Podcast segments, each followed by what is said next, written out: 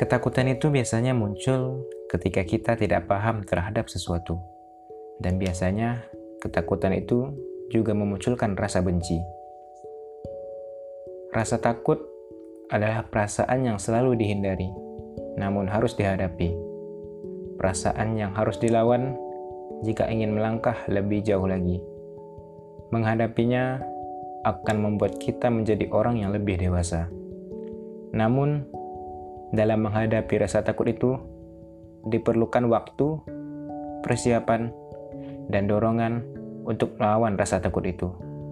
Dan tidak ada yang tahu kapan seseorang akan siap untuk menghadapinya. thank you